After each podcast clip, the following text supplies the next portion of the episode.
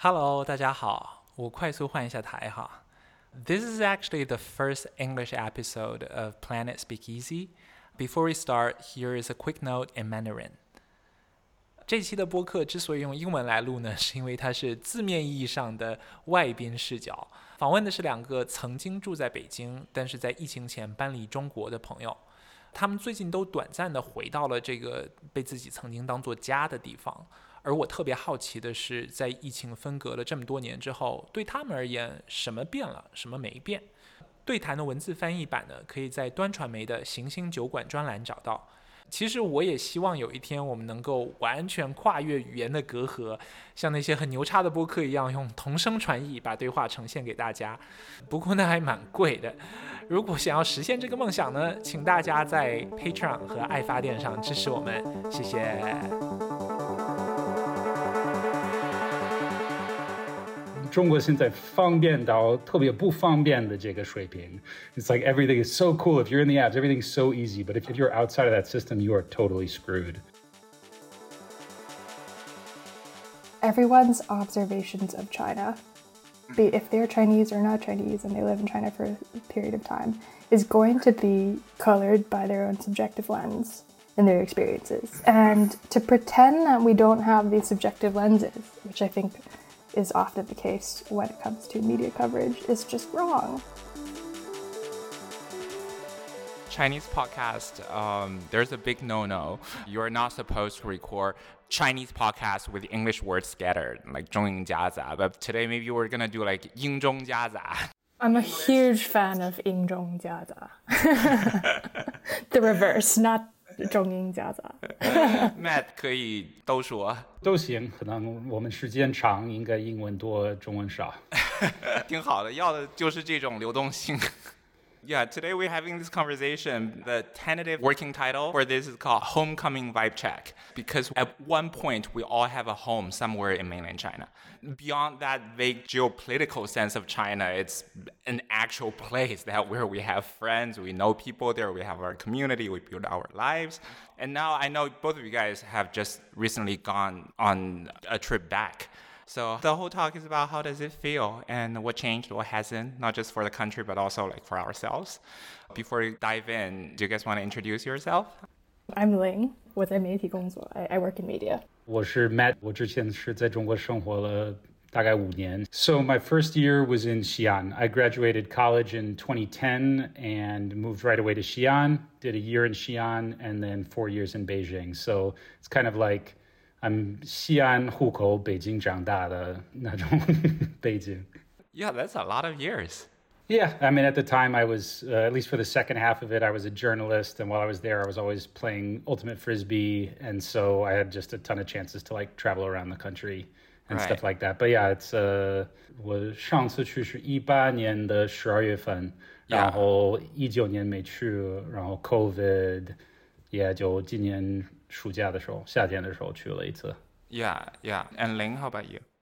Um, I moved to Beijing in 2018, mm-hmm. and I was there up until the end of December 2021. Right. And uh, I left very kind of abruptly and unexpectedly. 就是一直都想回去，嗯，但这两年都没回去。And then I finally um, went back a couple months ago. And right. so there is, I missed a very intense period of time in Beijing. When I just left New York, I was going to Hong Kong, the first stop. In the airport, that was 2022 of September. So the whole flight are like Chinese diaspora. They're like living in different parts. And the whole conversation was about oh, I just went to Amsterdam and there's a flight. You don't need as much paperwork. And people just whisper about all these different pathways to go back to China. And I assume this time, like when you guys go back, yeah, the whole process is very different.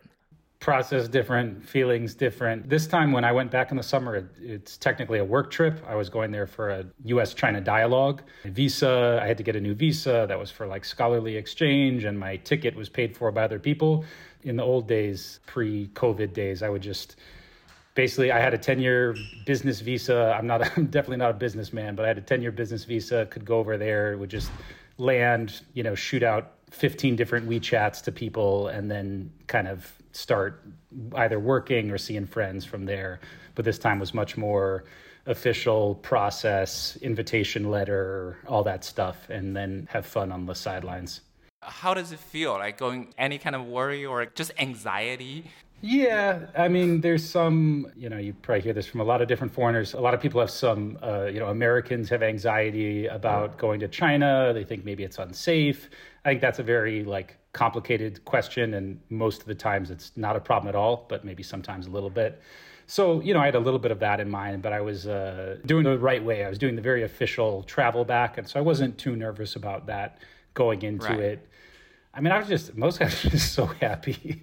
I was so happy to be back. And I mean, just just like even like walking out of the airport, I flew into Beijing. Yeah. Walking out of the Beijing yeah. airport, literally just smelling like it was like midnight pollution, like midnight jiaochu pollution. And I was just like, yes, I I've got a thing for it. I just I love that city. I love that feeling. I love that smell. So is it still like the smell of chaos? It definitely was you know way less chaos than like right. when I arrived in 2010. Way le- you know Xi'an 2010 versus Beijing 2023, huge difference. Way less chaos, and even in Beijing, like compared to 2019, still yeah, it's a lot. You know, mm-hmm. it's like all the kind of rough edges have been sanded off to some degree. A lot of that just kind of you know life on the street, the xiaotar, the jianbing, like a lot of that stuff just isn't what it was before but yeah. you know, the city still has life to it. So less chaotic, but still good. Ling, did you go to Beijing as well? Yes, I went to Beijing. And um, I'd say, Matt, in some ways, my experience was almost the opposite of you because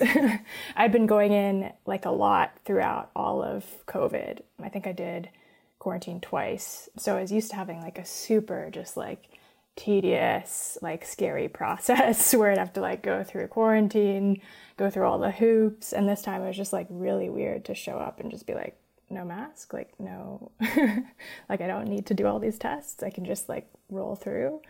And so I was just like overwhelmingly very, very anxious at only like a few days into arriving, settling in. Was I like, like, just like huge sigh of relief. There was a big kind of build up before going. But Matt, to your point, like, I think definitely even within a year, like the edges have been sanded off. Like in some ways, Beijing is a lot more livable of a place. It was already kind of going in that direction, just like the entire gentrification of Liangmaqiao. I think you like to read about this. Everyone who goes back to Beijing after a while and sees Liangmaqiao is like, oh my god, this is like gorgeous. what happened here? But yeah, there's even, you know, more than a year out, there are moments of just like, shit, like this, I'm, I'm back in Beijing. The pollution is one thing. I think the moment for me is like when I go into like a Beijing fruit stall mm-hmm. and I buy a pomelo. Because I, I ate so many pomelos in Beijing during pomelo season. Like, and I realized when I got a pomelo this time, I was like, I haven't eaten a pomelo in like a year. Right. Because um, it's like such a Beijing fruit, you know what I mean? It's just like not a fruit I associate with like anywhere else in the world. So I was completely distracted by the smell of pomelo, just thinking about it. Speaking of buying, I have a major concern right now. Mm. Like all of my WeChat and Alipay stopped working for me. I heard it has been quite a problem for visitors going back to China now. Have you guys encountered similar kind of problem? Yeah, I'll talk about my experience. I think it's different for everybody based on how long you've been gone. I mean, I was like Weixin Zhifu for everything when I was living there, and all the way up through 2018. I, you know, I thought all these foreigners who like came to China and couldn't use WeChat. I was like, yeah, you're so outla, you know, you don't get it, man. and then this time I go back and I worked for a very long time to try to get my Weixin Zhifu working again eventually just impossible. It's connected to this number, and that number is connected to you know just an endless like cycle through that. Eventually, I was able to get Zhifubao working. Right. I had never used Zhifubao before, but eventually could get that working tied to a credit card. The big mistake that I made, and this was in hindsight stupid, but it really did mess up my trip, was I used an American number on roaming in China oh. rather than using a Chinese local number. Right. Um, And so I could like make phone calls and I had uh, data and could use Wi Fi and all that stuff. But for anything, like for the Didi, you know, Right. All these things, they need to send you a confirmation code in order to Right. like get your account started. And I couldn't get any of these things going. And so like my second night there, I hadn't realized that basically there are no tax. There's no way to hail a taxi on the street, which is just how I did everything before. And so I'm out drinking until like maybe 1 2 a.m like not crazy but I, I go out to hail a taxi and like every store is shut down. There is not a single taxi that will stop for me. I spent like what 90 minutes on the side of the second ring road bay arhuan eventually caught a bus like halfway across town. Was i was at the point of desperation to where i was thinking about what are the logistics of stealing a bike like I'm, I'm, I was like a two-hour walk from my hotel. I have a foot injury, so I can't walk that far. It's getting to be like three thirty in the morning. I'm thinking Yeah. about stealing a car, finally, or stealing a bike. Finally, I just like stand in front of a taxi and I'm like, "Sir, please stop. I will give you this 100 kwai bill to drive like, Oh you my know, God. not that far." It was genuinely super hard to get around Beijing. I, So you hitchhiked. I mean, well, I, I, I paid the man. I paid the man, but it took a like that's it was crazy how much convincing it took them to like dramatically overpay for a taxi. I still had to like Right. really lobby them. But yeah, I, the way I put it, we eventually when I was there, we talked to people at the foreign ministry, and they were like, "What's up with China-U.S. relations?" And da da da. And I was like, "If you want." You know, Americans to come back, you need to have a station right at the airport that just hooks every foreigner up with a WeChat account, a bank account, something like that. Because I was like, 中国现在方便到特别不方便的这个水平. It's like everything is so cool. If you're in the apps, everything's so easy. But if, if you're outside of that system, you are totally screwed. So that was my experience. Yeah, it was a total pain in the ass, I have to say. now that I hear Matt's story, it was like nowhere near as dire as that. Like, I was able to hail things eventually, but when I went back, it was like a huge deja vu to when I first arrived in China. So, like five years ago, I hadn't had that experience in so long that I forgot that things could be extremely inconvenient. And the key issue was that my phone number got canceled. Um, and so this time I was very clear. I wanted to keep my phone number in case I went back. You can pay like a minimum fee every month. I just did not want it to get canceled. But the first day I arrived, what I did was I got a new number. But Yeah. then you kind of have to like rehook because like all your apps are 绑定到旧的电话号码, right? Right. And then you have to like unbonding it and then bonding it with the new number. But the crisis was that because so many people are going through this process, the Yeah. new number actually still is belongs to someone else. Right. So like I'm trying to get on Meituan, right? And I'm trying to order something. And when I try to bangding my meituan onto yeah, the new yeah. number, they're like, right. "Oh, sorry, eating bei bangding." And I'm yeah, like, "Who is this person?" you know what I mean? Like, get off my number. So yeah, there there was like three days where I was like very angry at every shared bike I encountered because I you know like instinctively there's this muscle memory that's like oh sorry sorry yeah. okay all right, and this time I'd saw and they'd be like you need your you need to share your number and it was yeah. but then you know I was easing back into it Right. Yeah, it gives me major anxiety to be honest. In America, there used to be this kind of phone plan where you can have a Chinese number associated mm. with an American phone number. There, there's, there's some kind of partnership. And just after this whole deal is canceled, I lose my Chinese phone number and all of my services are gone. It's a, you're a victim of the trade war. yes. That's decoupling. In, in my world, everyone's always talking about tech decoupling, all this kind of stuff. right. That, you know, whatever. Yeah. Most stuff just goes on, but like, Yeah. when when you lose these linkages, there they are hard to get back going again. Right. Any kind of other like discomfort or something that we gotta like get reacquainted with. For me, like maybe discomfort is a strong word, but there was a lot of like um, there are just some new like realities. So like when I was there, Right. I was super into ultimate Chinese ultimate frisbee scene. Like Right. I, I, you know, co-founded a team in Xi'an. I played on Beijing Daga, and I was really, really invested in growing the Chinese ultimate frisbee scene, and just I loved it. That was my favorite way to meet and hang out with Chinese people. And in the time I was there, it was a beautiful, beautiful thing. Like the way Right. that that as a culture smash. And I was always within my teams. I was like, okay, we need, you know, we need to rebalance this. Not so many foreigners and so few Chinese. We need to get more Chinese people involved and get them into leadership and all that stuff. Right. And this time when I went back, it's like the ratio had 100% flipped on my former team in Beijing, Beijing Daga. where one like ultimate frisbee has gone crazy in China. It's become like the ultimate, you know, quote unquote fashion sport on Xiaohongshu. And so Right. like the number of people playing has quadrupled and it's gone crazy. And then within my own like social circles, my former team has gone from maybe like maybe 70 30 or 60 40 like foreigners and Chinese to now like 95 5 Chinese Yeah. On that way and which is in some ways that's what those were the teams that I always wanted to play on when I was in China and Right. it's interesting to watch like the cultural dynamic shift like we used to after practice go out and just you know get a jiachang cai and like tons of food and tons of beer and everybody gets drunk together at like 1 p.m. on a Saturday and now it's changed to like a okay, like a small group of us. We're gonna go get a baojian, no alcohol, all qi shui. Like the food is so much better, the environment is so much sort of quieter and calmer. Right. And it was a very, it was just a, it made me think a lot about what I loved over there, how much was kind of about sort of being, you know, directly, deeply embedded in sort of Chinese culture and Chinese society in a way, and how much I love just the culture smash, the always Yeah. the bringing together and the mixing and like the grading and all that stuff of two countries together and Right. uh, or two cultures. So I don't know. It's, it's one of those things where it's like this is exactly what I wanted, and it's a little bit different than I imagined in a lot of ways. It's gotten much more official and bureaucratized, and there's now like frisbee corruption and like all, all this super weird stuff. Frisbee corruption. Frisbee corruption is corruption within the ranks of frisbee structures. It's pretty weird, but uh, I don't know. It just made me think a lot about the what's a culture mix and what's uh, Yeah. like a total sort of conversion and stuff like that. It was, it was interesting. Right. Matt, I would totally read an article about frisbee corruption or like a step-by-step guide, like how to cultivate frisbee guanxi. You know what I mean? It's just wild. Yeah, I guess that's like more like sadness, right, as opposed to discomfort, Right. or just like I feel like I'm hearing from a lot of people who go back.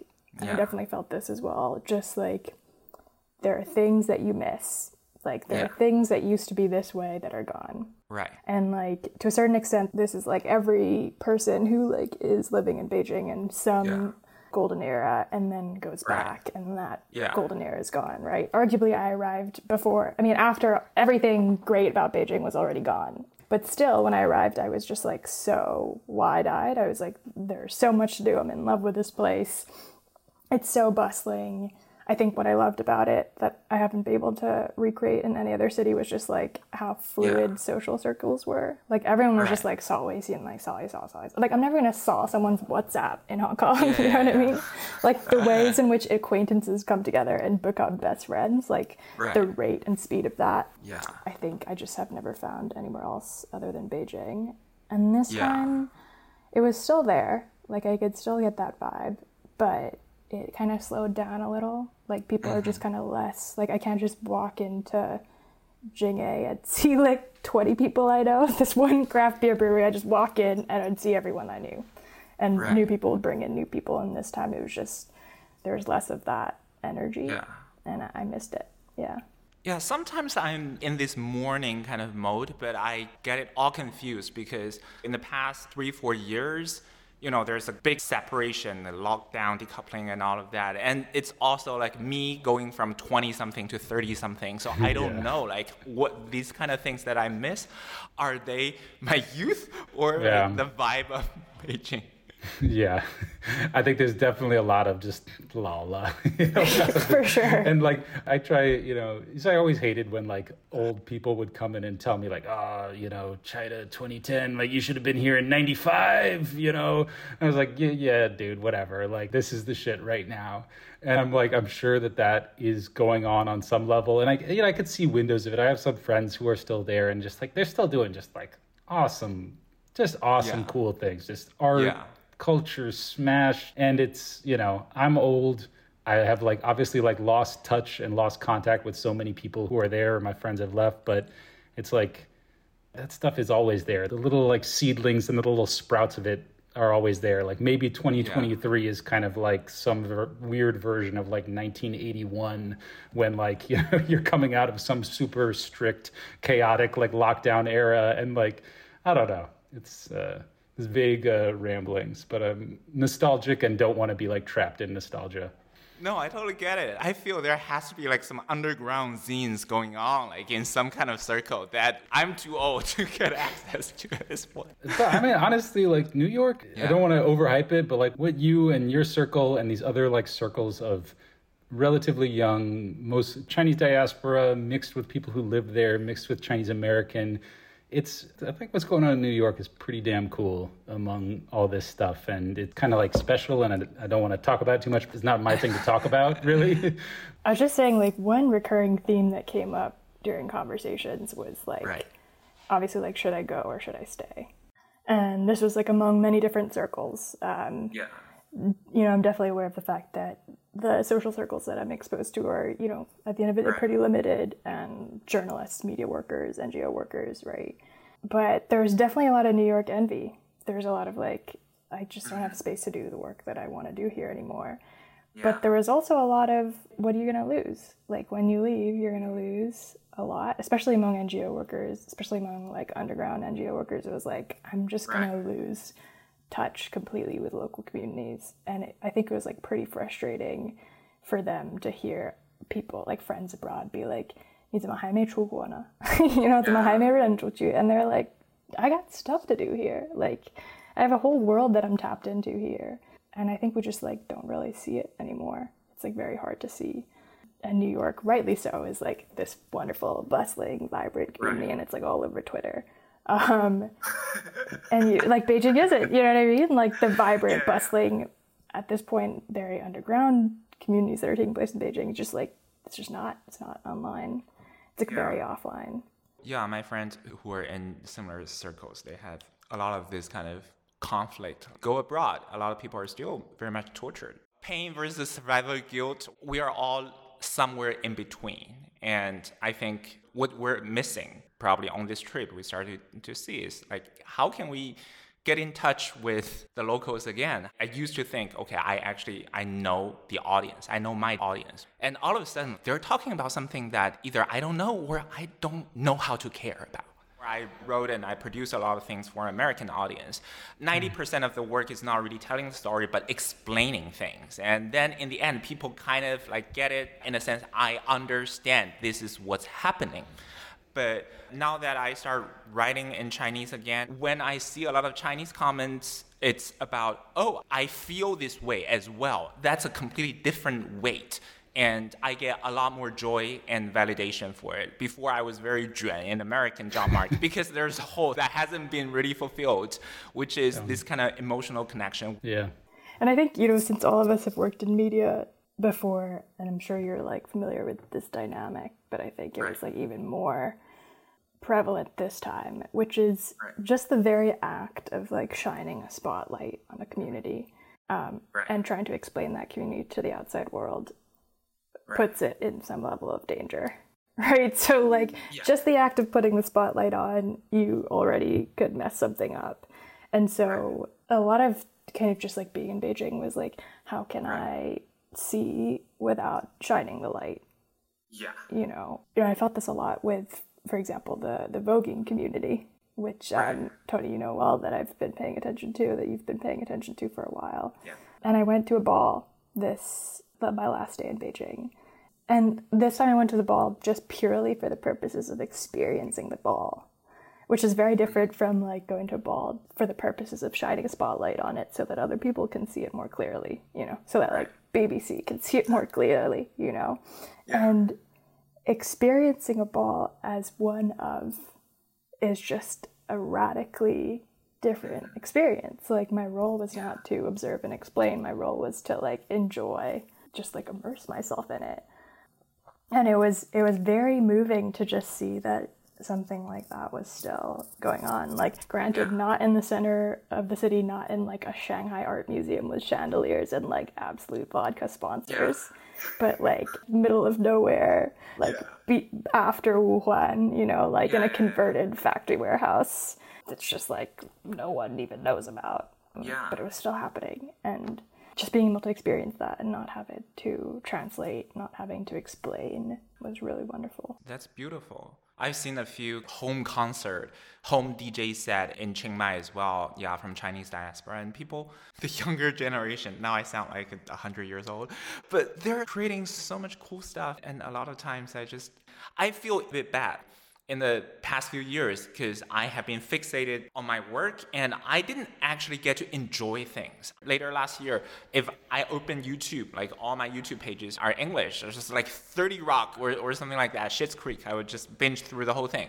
But now, like, I started to consume Chinese content again. I'm willing because I think a lot of Chinese YouTubers are better than the English YouTubers. And yeah, I'm obsessed. I don't know. Have you guys experience this kind of similar like i have more confidence where i have more courage to stare into the things i love.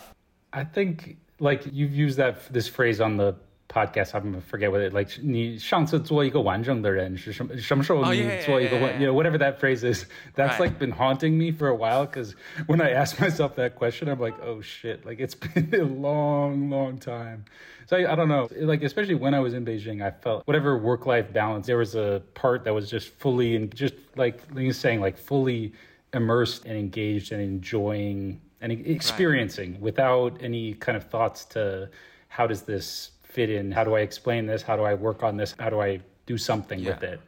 And I really just honestly listening to listening to your podcast where you're interviewing your guests has made me feel uh, has, has, haunted me and made me realize how uh, I am in my New York life. For a long time, I stopped consuming Chinese content that wasn't related to my work. I like wouldn't watch Chinese TV shows or movies because I'm like, look, I do China all day at my job and it's bad vibes and I don't need more of that at night.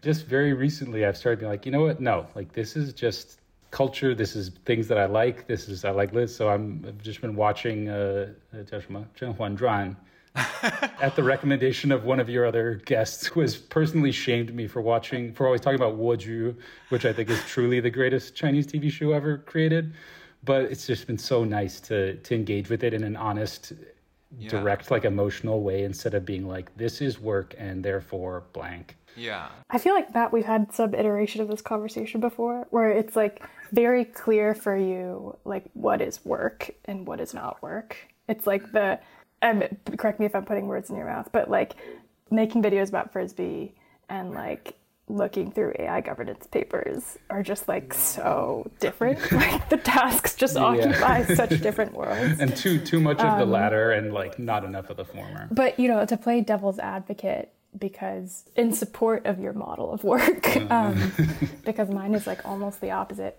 it's kind of nice to have some like separation of church and state you know it can get emotionally very fraught and like messy when your work is your life or like when they start bleeding into each other.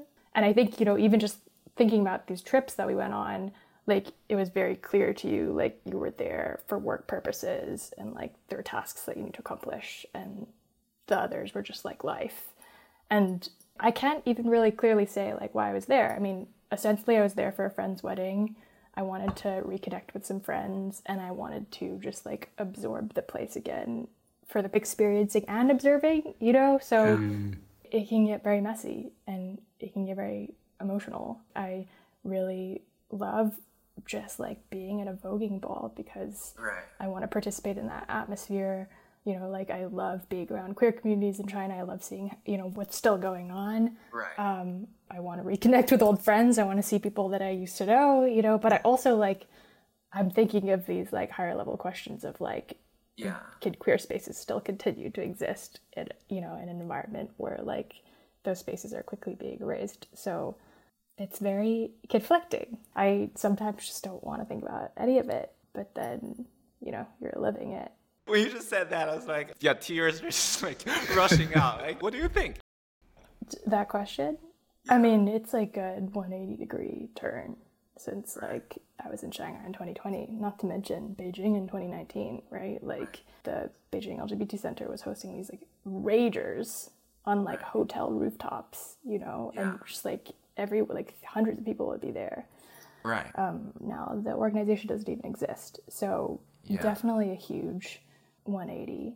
That being yeah. said, like this party was lit like this ball. There was like, I mean, okay, so like the contrast is right. The Shanghai ball is like 500 people in an art museum on the Bund with chandeliers and everything, and like everyone Yeah. was flying from across the country. This one much smaller, like maybe 100 people out on the Fifth Ring Road, but people were there and they were really excited, and it was Halloween, so everyone was dressed up. It was probably like the highest concentration of like fishnet stockings and neck tats and stilettos, you know, I've seen in Beijing in my whole life. On one side of the room, there was just like people in like Cinderella ball gowns and stilettos and crazy makeup and piercings everywhere and like SMM whips, you know what I mean? Just like really just like one end of the extreme. And then on the other end, I saw on a couch, there were just like five middle aged dudes with like identical buzz cuts all wearing like vest, black jacket, just like completely out of place, just like so shocked to be there. Probably a great educational experience. for. I'm always looking out for them because it's honestly pretty Yeah. cute. You know what I mean? It's Yeah. like you were Yeah. so out of place, bro. Oh my god. Um, but yeah, I mean, like, sorry, digression from the broader. No, no. I think one of the biggest realization when I feel like okay, I'm losing touch with the place that I, I was so familiar with is that I don't know what's permissible anymore. Before, you know, foreigners would be like, okay, you can't do this, you can't do that. This is how China works. I was like, that's because you're stupid. Like I know, I know what's going on, even though people from the outside think it's black box. I kind of know, but in the past four years, there's a very strong feeling like I don't know anymore. And this is a huge fear for me.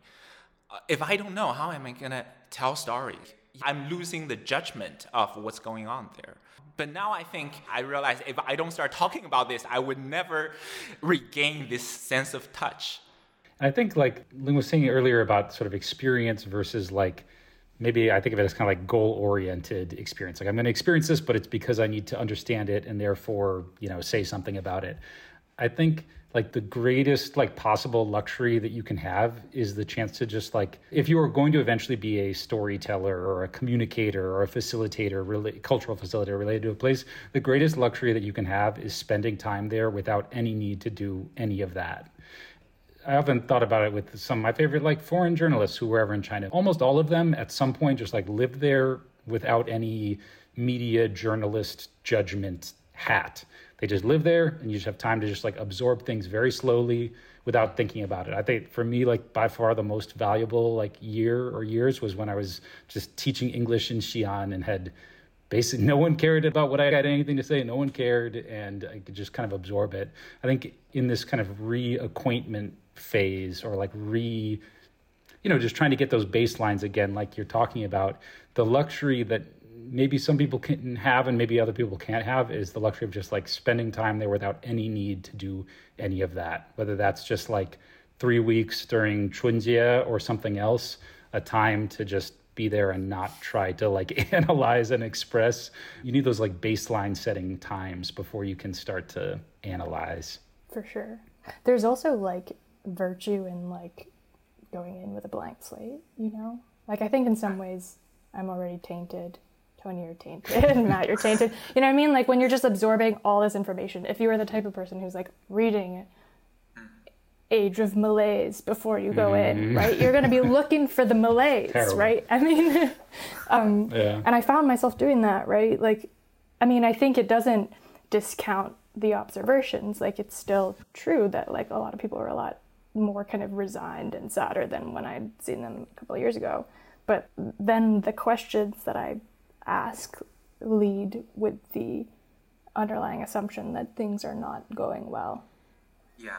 which is also not false, right? It's like, when people are telling me things are not going well, I can't be like, well, I only talked to like 20 people in my small circle in Beijing, so things actually must be going brilliantly everywhere hmm. else. You know, it, it's not Yeah. like it's like things are great, but I do feel the like overarching framework of looking China from the lens of that horrible world China watcher, right? Like who watches a country? but you know, but that's the information that like that I'm consuming a lot, and so it- Right. it will inevitably shape the lens. One thing that Ling was saying that resonates with me is the um, like when you're talking about the experience and the observer, Right. and like how negative whatever you two people can look at the exact same thing Yeah. and have very different takes on how disastrous this is or how promising it is i often feel like that comes down to basically are you someone who is feels like they are just kind of stuck in this and needs to like make the best of it needs to find out where they can make some little inroads? Or are you someone who sees themselves as like on the outside and is just like evaluating what this thing is? So like you could look at you know say like for me it's you know china us relations for the last four years. And you could look at it from the like from a slight remove and be like this is clearly a total unmitigated disaster. This there is like all until very recently there was almost nothing that's going well. And that's like pretty maybe accurate at like a macro level assessment. But if you're if you can find your niche where you feel embedded and like invested in it and you just say like i know it sucks i know it really really sucks at a macro level but there's there is something that i can do. Do you feel any agency of like is there some little corner that i can work on and chip away at? Or if you're in the system and you're like okay overall this is so much more constricted on arts and culture and i know that from the outside like the answer is it's just constricted and it sucks but like if you're stuck in that system and you're an artist you're like well i got to do something. Like I'm, I'm going to do something. And then you start to i don't know just chip away at it it's it's some kind of switch in perspective that to me feels it's my way out of like total um despair is to be like in this one little tiny corner of AI-ish stuff-ish, I can see a little little bit of progress. I can see a little thing that I can do. And that's yeah, it's super motivating compared to like a macro level, just like I'm going to assess this thing and the assessment is it sucks. yeah. I guess one way I've been trying to think about it is like as opposed to like thinking about things from a macro perspective is just like get into as many of those little micro perspectives as possible. And it's still not always pretty. That's what I've realized. Like I, I always wonder at what point like having optimism crosses into having false hope. And you never want to like mix the two. I, I mean maybe false hope is a good thing. Yeah. You know, like if you're a um, musician, you can still create music you like. Just like take out ninety percent of the stuff you want to say. You know what I mean? Here's one weirdly optimistic thing. I didn't think it that way at all until a friend who recently just left China. She tells me this observation. She's like, before you tell people like I'm from China and, and people are like, how many people are there? Which city? Where, where's your hometown? You know, these kind of questions. But mm-hmm. now the whole world has a shared experience called COVID and everybody can just ramble about how stupid their government and how fucked up their life. So there's a weird connectivity. I think her exact word is 寰宇皆傻逼，就是 就是 this shared shabbiness somehow bring people closer. If only the people in the two countries could like hear how much shit they talk about their own governments, it would be a real like bonding experience. Instead, they look and they like believe that everyone is like perfectly aligned with their leaders. Everyone's like shit in the same way, basically. Oh, There's a lot of shared kind of solidarity in that. Or we just solved it. Nihilism is is the key. Tony, what is your homecoming, homegoing situation? Um. So right now, I where I'm living right now, I have a small but robust circle of Chinese diaspora friends, and they somehow create a lot of encounters. They have friends coming, and their parents are visiting. All of that, I feel home is coming to me. That's a very weird because I accompanied a lot of friends in the process of like we meet each other again and they meet with the world again and all these kind of weird sensations start to like awaken. It's so emotional. Even every goodbye becomes a little bit heavier. Before it's like, okay, I'm gonna be in this country, and if you're there, yeah, we can hang out. That's how we end cross-continental encounter. And now it's more like, I don't know when I'm gonna see you again, but I'm sure we will.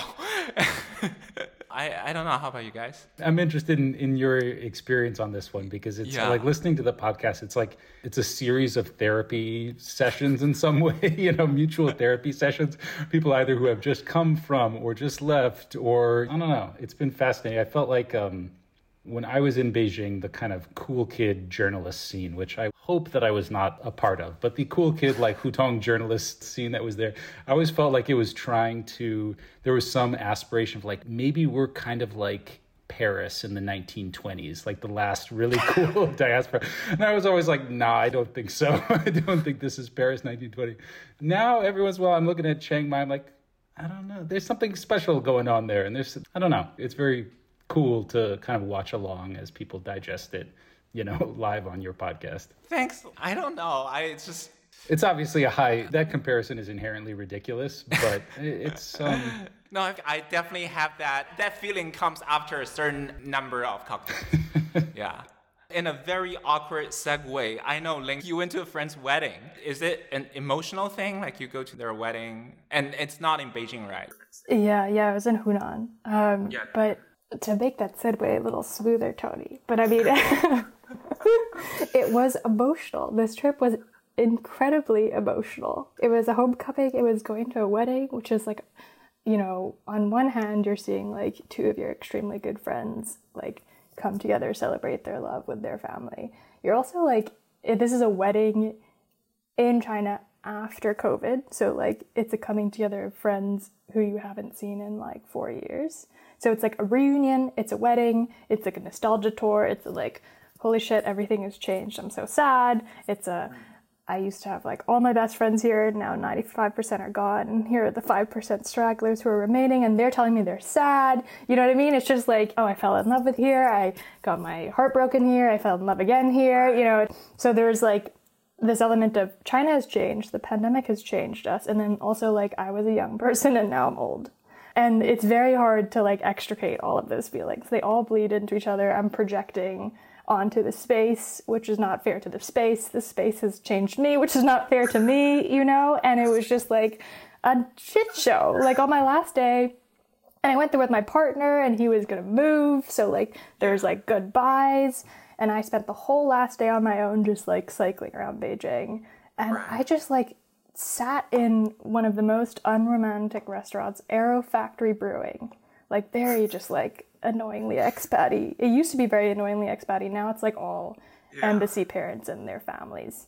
And I was just sitting there alone having like a falafel wrap. and I just started crying because it was so much. Like I had just processed so much over the past two weeks because of, of all those feelings, I guess, you know? And I think a lot of it, I mean, a lot of it is China has changed. We can go into that as we have.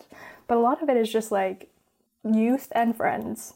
And like one moment that where I actually got kind of emotional during the wedding, um, obviously the wedding itself, um, but you know, one of my friends I hadn't seen since 2020. And the last time I saw her, we were all going to Houhai to jump into the lake in January. I didn't jump, and I was like, next year I'm going to jump. I never jumped, right? Because I just didn't have a crew to jump with. And, and they were all just jumping into this icy lake. That was the last time I saw her. Oh my god, that's your 阳光灿烂的日子. Yeah, I mean, right? It's just like out of a movie. And like this was a period of time where I like just oriented my week around fun. Like on Monday, I would get up and be like, what fun thing am I going to do this weekend? So like one weekend, we took a bus out to Chongli, and the bus was just had like five kegs on it.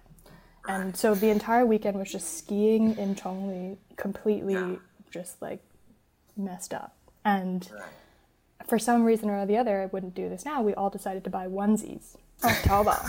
and so I had this like baby blue onesie with like a elephant head, you know.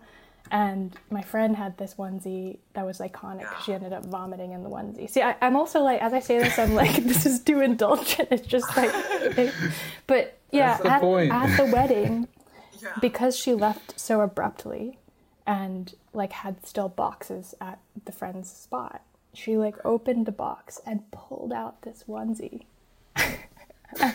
i thought i was With gonna the cry one with vomit, or she cleaned it after she as she she claims she cleaned it after oh but God. i was just like i did not think this like america pattern onesie would make me so emotional No, Yeah, this is like the, the Chinese version of traveling pants or something like American ones. Oh god. Yeah. So I guess the broader point that I want to make here is like everyone's observations of China, be mm-hmm. if they're Chinese or not Chinese and they live in China for a period of time, is going to be colored by their own subjective lens and their experiences, you know, be it a onesie or a Houhai dip. and to pretend that we don't have these subjective lenses, which I think is often the case when it comes to media coverage, is just wrong. And we shouldn't be demanding stories that are like, this is China.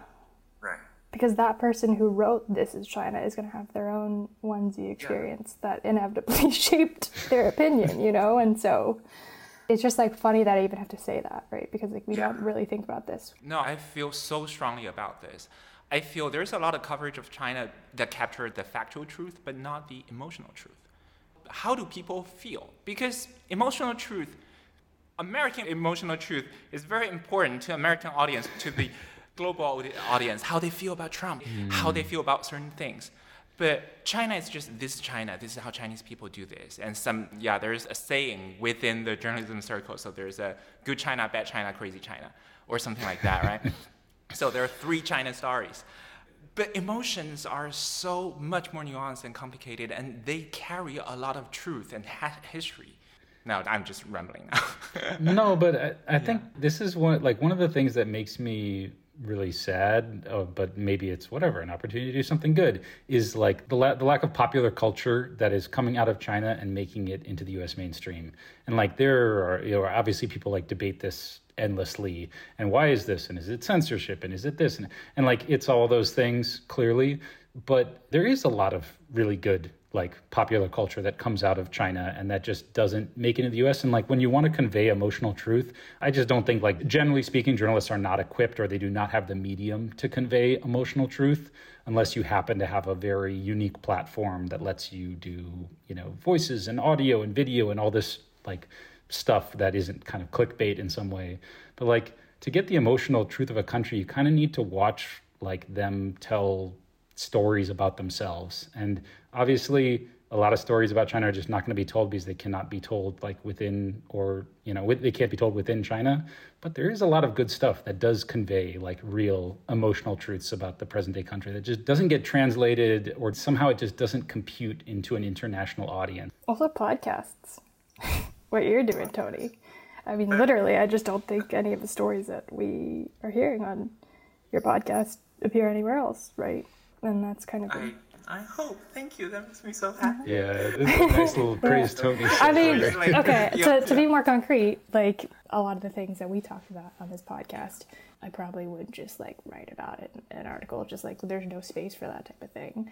But, you know, like uh, documents of daily conversations, right? So, like, I think, okay, so like one story that you often see is like youth unemployment is on the rise. Everyone's unemployed, blah, blah, blah. 20% of young people are unemployed. And, you know, going to Beijing was the only point where I could like put that fact and like attach it not necessarily attach it but like contextualize it and like hear it in stories and like Right. okay so one story that i wouldn't tell anywhere else other than in this medium is like i got a massage um, and every time i get a massage i have really bad lower back issues and there's this one salon that's just incredible and i talked to my the lady who massaged me for like the whole hour and we just have like very real like we just had a very very real conversation i was just like you're fucking awesome. Like we just talked about everything. We talked about one belt, one road. She was talking about how there are all these Russians coming in. You know, we talked about. But I think the story that really gave me such insight was her relationship with her daughter, because this woman is like maybe in her 60s and she's been working in massage therapy for like 12 years. She's from Harbin. And she was like, you know, when I started out, I was like really excited to go see the world. You know, I left Harbin for Beijing. Like, I was making much more money than my parents were. And um, she was just like, you know, life just kept moving forward. I was making more and more money. I was getting better. Um, I wanted to bring, you know, a better, better life for my daughter. And now I think she just turned into a grandma. Her, her daughter had a child. And she was speaking with her daughter with like almost like disdain. Like, not disdain, but like, you know, like the kid who's just like less cool than you, because her daughter spent like after graduating from college, spent a year just like 在北京混，就是在想看看能不能在体制外工作。But then she did a year, she gave up, and then decided 她还是想在体制内工作。 回到哈尔滨结婚生孩子得去这工作，and her daughter like maybe earns like a quarter of what she does. You know what I mean? Wow. And she's like, yeah, she doesn't want to explore anywhere. She doesn't want to travel anywhere. Meanwhile, her six-year-old mom is like hustling, like making five times the amount she is, like traveling to Thailand with Right. the massage group, traveling to Hong Kong. And I was just like, wow, like there is just this feeling of like regression. M- Maybe regression is the wrong word, but like 前一代 Kambutsi Holidai, you know, because they want the stability and security of a job at a point where that's wow. just not possible anymore. But they also like wouldn't want to do the kind of manual labor, you, you know, that people associate with massage work. It was just such a like perfect fascination of this dynamic. But you would yeah. never read that in a news article, right? You would read like 20% of the young people are unemployed. Yeah, that's pretty much it. So that's why I feel so far podcasts the format gives me a lot of hope. I, I feel there's a lot more stories, a lot more nuanced stories about people, their own lives. Yeah, I'm obsessed with like Chinese queer podcasts. There's a whole scene out there and different podcasts. And when I listen to them, I feel like I never get to be that kind of gay. never like allow myself that kind of that kind liberty. of and? I'm, I didn't really spend like a proper coming out life in China. And yeah, and I realized, okay, I would never get that. Um, yeah, And these are like mainland Chinese based podcasts? yeah. Wow. Just them talking about dating, talking about their daily queer life. I feel it's pretty cool. Ling, you went to your friend's wedding, and um, Matt, did you get to see your old friends? Yeah, I spent some time with like my frisbee friends, spent some time with some foreigners who were there. I think like for me I need 3 or 4 more of these trips and I especially need to go back to Xi'an. Like Xi'an is where my sort of like oldest or deepest roots 老 are. 老家。老家真是我我老家. Yeah, I mean that's where I need to go and I think Yeah. I'm feeling okay with being kind of patient in some way, and I feel like that's Right. generally my attitude towards China. Is like in the present, things can be quite dark, but Right. you know, i- if you look at it with a little bit longer time scale, things maybe aren't not so depressing. And so I'm like, okay, maybe next trip it's Beijing and Xi'an.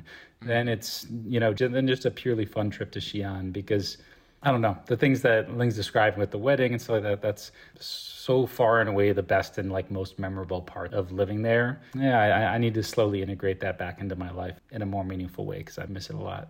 Matt, I have a question. Hmm. Do you see like the work and social worlds coming together, like becoming hmm. buddies with the safety community? You know, of which there is, you know, there's a small Yeah. version community. So Yeah.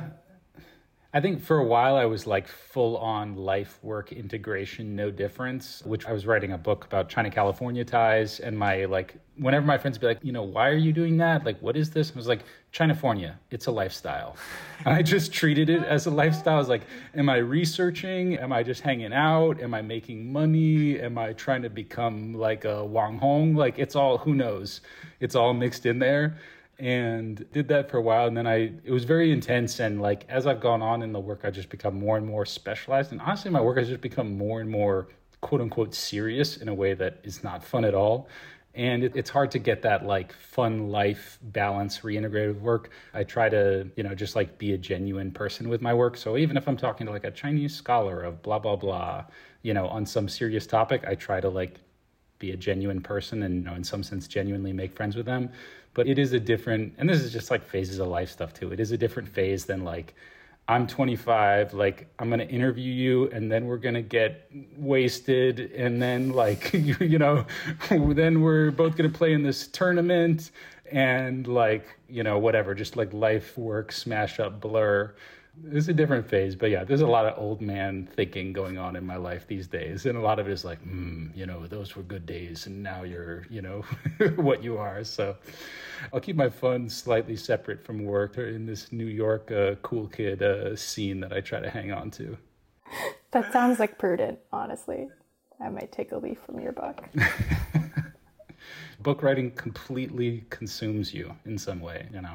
I feel I worked really, really hard during the pandemic time, even though, you know, at a point, like nobody has a job. And then I just, yeah, throw myself full swing. And I do notice, I'm convinced at least, that there is a sense of escapism there. I don't want to think about other how horrible the whole thing is. I can't really travel anywhere. I've just spent like three winters in New York, so I just work. And now I'm learning like how to stop. It's kind of like stepping on a brake, and that's hard.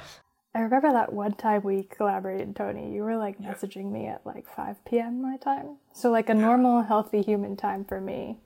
Yeah. But like um, crazy time for you. I had to get up at 5 a.m. for Asia meetings kind of on a daily basis. And yeah, I get off work probably around midnight. I think that's fine. It's not healthy at all. I don't recommend anyone do it. But I think it actually wore me down is all the stories are pretty horrible. And you have to think about your sources, your field producers, and people who are involved in the stories. You feel highly responsible. And it's when combine that with the intensity of work. Matt went for 甄嬛传, I went for 康熙来了. Within three months of my depression, I watched 12 years worth of 康熙来了. Uh, I pretty much turned it on the whole time. Yeah, thank you too for just autoplay. and then I realized I just need somebody speaking Chinese on things that are not triggering. Mm. This is me and NBA podcasts. I've gone through years where like I can write about completely different things while just listening to people talk about like the Western Conference Player of the Month issues, and it, I do think it's a uh, it's not a good sign for my well being. The amount of NBA podcasts I need to consume in order to feel like stable. For me, it's like not old British TV shows, TV shows about old British people. So like, because I spent a lot of this year just very sick like with fevers and I got COVID and it was just like it did its damage. And so I just periodically throughout the year find myself with a fever. I think it was first like the Harry and Meghan documentary. Like just I watched all of it in one go. Yeah.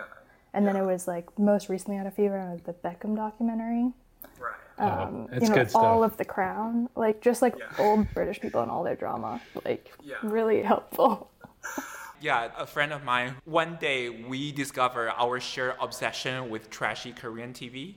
I think we're both watching Mr. Queen, which is the Korean version of 太子妃升职记, just like a man reincarnated into a woman's body, like in the past. And it's like, as long as we're not working, we try not to consume anything that's too realistic.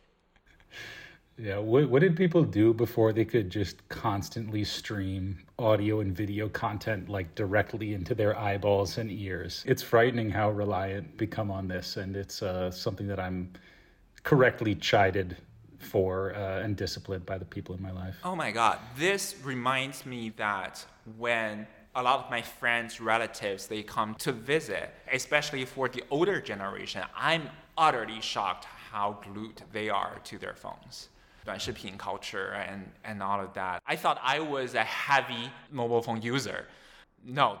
Actually, this time going back to Beijing, I think one thing right. that surprised me was like how intense 直播带货 culture is. Because I'd read yeah. stories, worked on stories that were about 直播带货, but from right. outside. And yeah. like, it seems like just like everyone and their mom has gotten into live stream e-commerce. Like, right people have just quit their jobs and everyone's trying to be what's his name Yu Minhong Michael oh, Yu yeah because yeah, yeah, like you know like he had New Oriental and then right, afterwards he just started live streaming like vegetables yeah. and stuff. Yeah and they were like okay if he can have such a successful career pivot like yeah. maybe I can also just like live stream North Face jackets and sell those and like live stream this like but you know like everywhere I went it was just like actually in, in Changsha when I was there for the wedding like one restaurant it was just like four people sitting around their meal in complete silence with the most sophisticated camera equipment. They're making a buck out of that. Actually, with this lady that I spoke to, the lady who massaged me, I was like, 好像现在只有年轻人有两个方向，一个就是在体制内工作，一个就是直播带货。直播小红书。Yeah, that's it. That's kind of it. I mean, that's a that's a huge stereotype uh, reduction reductive statement. So I, I take that back. But the sense of shock is real. It doesn't matter how generalizable it is. It's something that I know, like in concept, that's a big thing going on.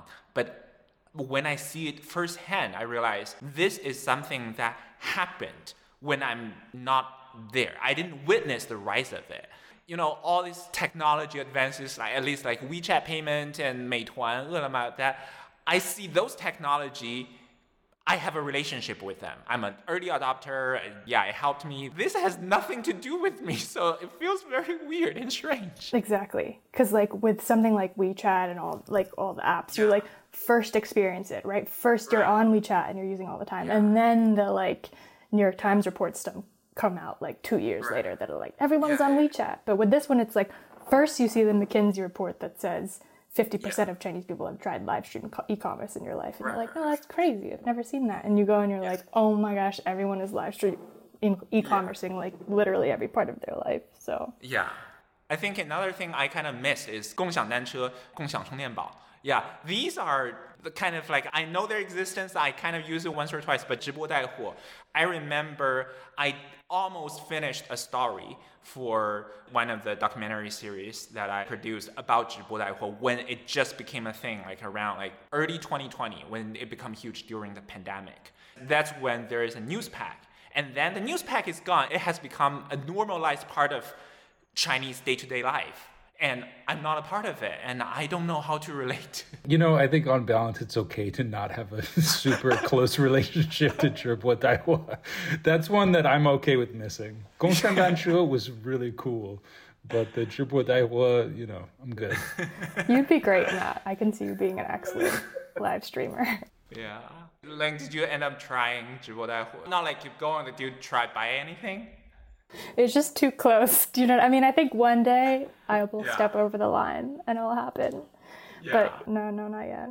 Like I haven't even I haven't bought anything from Pinduoduo or anything yet. When I think about it, I did technically try to sell uh, frisbees online in 2015, 2016. Not Zhibo, but I was a, did a series of videos with a company that the business plan was first Right. make these videos, get big, and then sell frisbees. And I, uh, I left the country before I got rich. Um, if, if I'd stuck around for another five years until it hit, yeah. Yeah, I think that's like most of the questions that I have. I wonder like if you guys have any questions for each other or anything that you want to talk about. Like, actually, no, no. There's one big, big question. Like, How did I miss this? Like, do you still see there? Doesn't matter if it's Beijing, China, or Liangmaqiao, or where. Do you still see it as home? I, I mean, when I got there, I felt like, yeah, the feeling of being home in a way. And, you know, home, what is home, blah, blah, blah. You know, you could think about that indefinitely, but I felt, felt grounded. I felt back in like comfort zone. I felt back where like so much meaningful stuff and meaningful like emotional growth in my life had happened. And so it did feel like home, you know, whatever. Apartment building, it's all different. Everybody's, you know, everything's changed, but there's something to just like the physical presence in the city that still felt that way and still felt super emotional experience. Yeah, it's a pretty fraught question. I think it is home in the sense that like I haven't really recreated that experience anywhere else. Like I'm just like most of my adulthood I spent in Beijing. Yeah. and I haven't really done that after I left very abruptly. There was no like goodbye party. There was no like visiting all the spots and like saying bye to all the people. Everyone just kind of very underwhelmingly trickled out at different times because of the pandemic. But like, you know, I spent the ages of like 22 to 28 in this city and Right.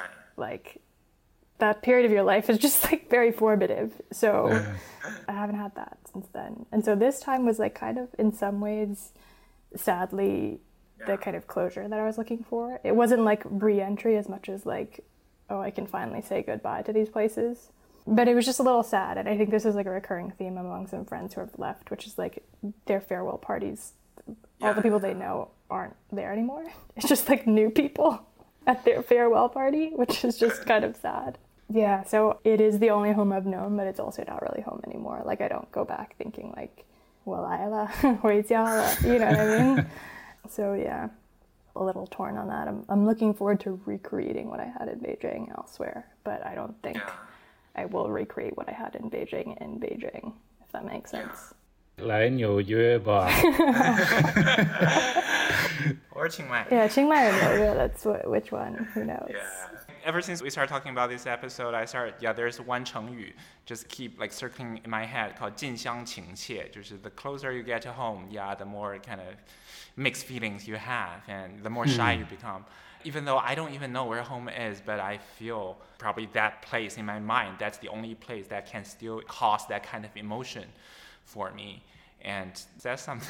So, yeah, I'm so grateful for both of you guys, and yeah, I'm so glad we mm. have this conversation. It helps me process a lot of things that I don't know. I think both of you guys at some point you said some things I'm like, okay, this is exactly what I thought. it's weird, like considering how much we started with a wow, depressing, like different. It's like how much time do we just spend laughing? Like it's there's there's always good stuff. People are gonna find the good stuff for sure just as only we can figure, figure out how to use WeChat Pay. oh yeah. Get the Chinese number. That's the key. All right, Tony, you're gonna make us you're gonna make us sound uh, reasonable and not ridiculous. I can't promise not ridiculous. no, it's gonna be great. I love this talk.